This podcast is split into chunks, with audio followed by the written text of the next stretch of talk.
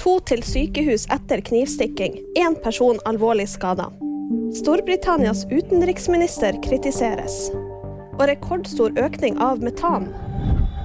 To personer er sendt til sykehus etter knivstikking. Én person er alvorlig skada.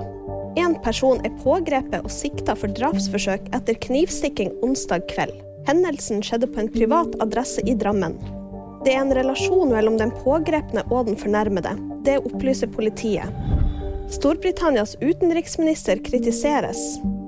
Utenriksminister James Cleverly ber LHBT-personer som reiser til VM i Qatar, om å respektere lokale lover og kultur.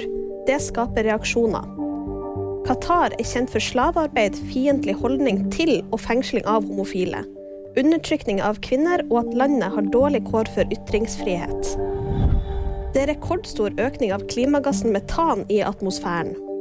Aldri før tidligere er det registrert en så kraftig økning av metaninnhold i atmosfæren.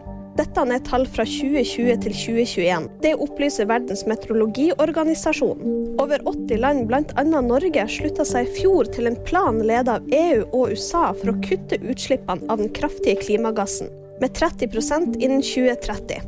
Og VG-nyheter fikk du av meg, Live Austad.